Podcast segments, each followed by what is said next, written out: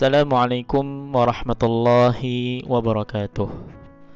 Teman-teman yang dirahmati Allah Subhanahu wa taala. Ukhuwah adalah puncak dari segala hubungan yang dijalani oleh kita sesama manusia. Jelas ayatnya Allah Subhanahu wa taala berfirman, "Innamal mu'minuna ikhwah." Sesungguhnya hanyalah di antara orang-orang beriman hubungannya adalah saling bersaudara. Allah tidak menggunakan uslub sahib atau ashab atau sahabah. Tapi Allah menggambarkan hubungan antara mukmin dengan kalimat ikhwah yang artinya saling bersaudara. Maka kalau kita pikir-pikir tak rela rasanya kalau saudara kita terjebak di dalam musibah. Misalkan ada satu rumah terbakar, di dalamnya ada sepupu kita, ada adik kita, ada orang tua kita. Rasanya kita nggak rela kalau misalkan mereka tetap berada di dalam sana. Rasanya kita ingin menolong mereka semuanya. Nah seperti itulah rasa kita terhadap saudara seiman kita.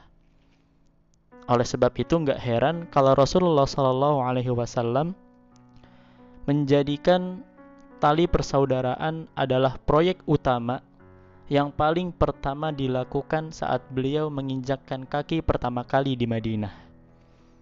Pada saat itu Nabi datang lalu membangun Masjid Kuba untuk menjadi simbol persaudaraan dan Rasulullah mempersaudarakan Muhajirin dan Ansar. Bahkan kita bisa membaca sejarah bahwa persaudaraan yang dibentuk antara Muhajirin dan Ansar itu adalah persaudaraan yang Masya Allah padahal mereka belum, belum pernah sama sekali ketemu belum pernah sama sekali kenal tapi saat Rasulullah persaudaraan seakan-akan mereka adalah adik dan kakak atau mungkin saudara kembar.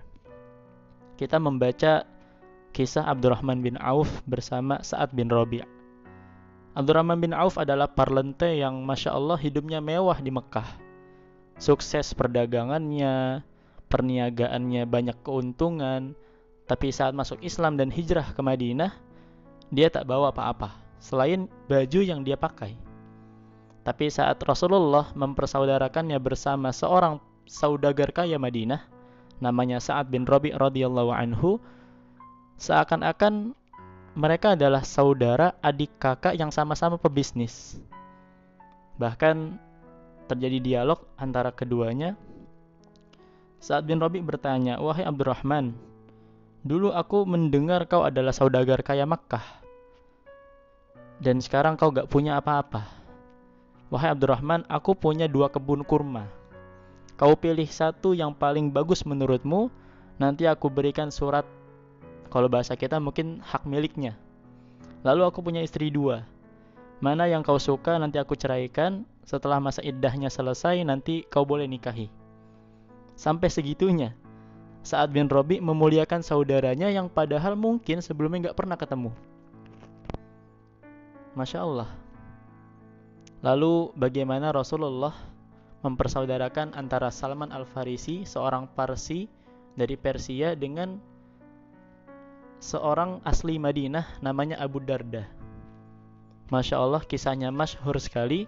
Pada saat itu Salman naksir sama seorang perempuan Madinah.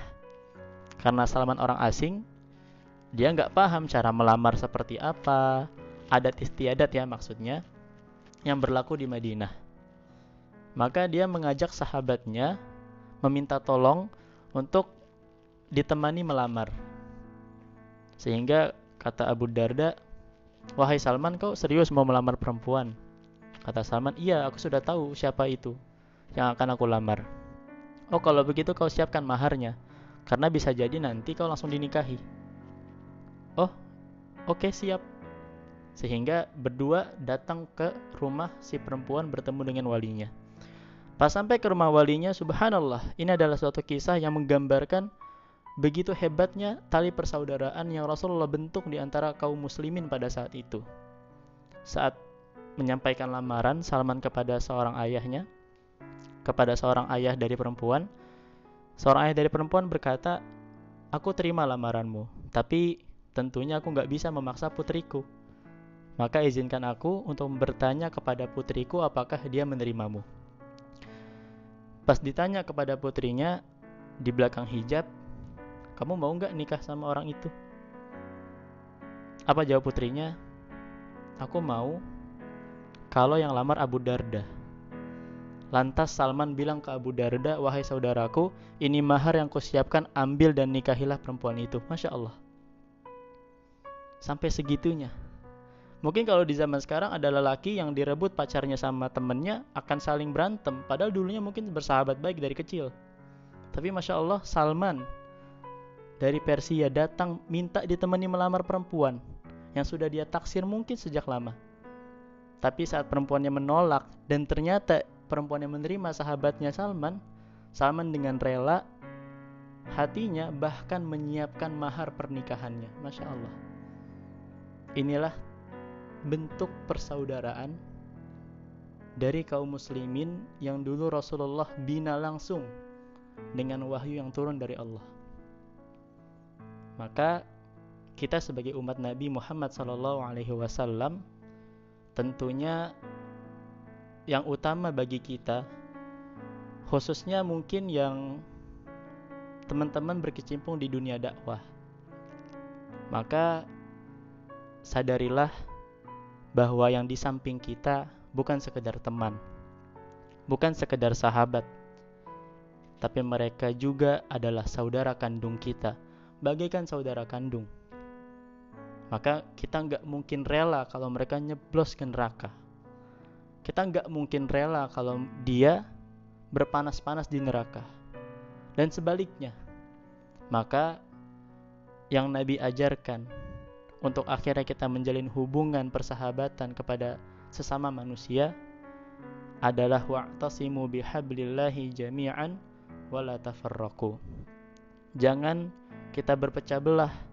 Hendaknya sama-sama kita berpegang teguh kepada tali syariat Allah kalaulah ada satu di antara kita yang lengah sehingga berlaku maksiat maka tugas kita sebagai saudara seimannya segera mengingatkannya sebagaimana kita nggak rela teman kita ini tercebur ke dalam neraka. Allah alam bisawab semoga bisa diambil manfaatnya. Barakallahu fikum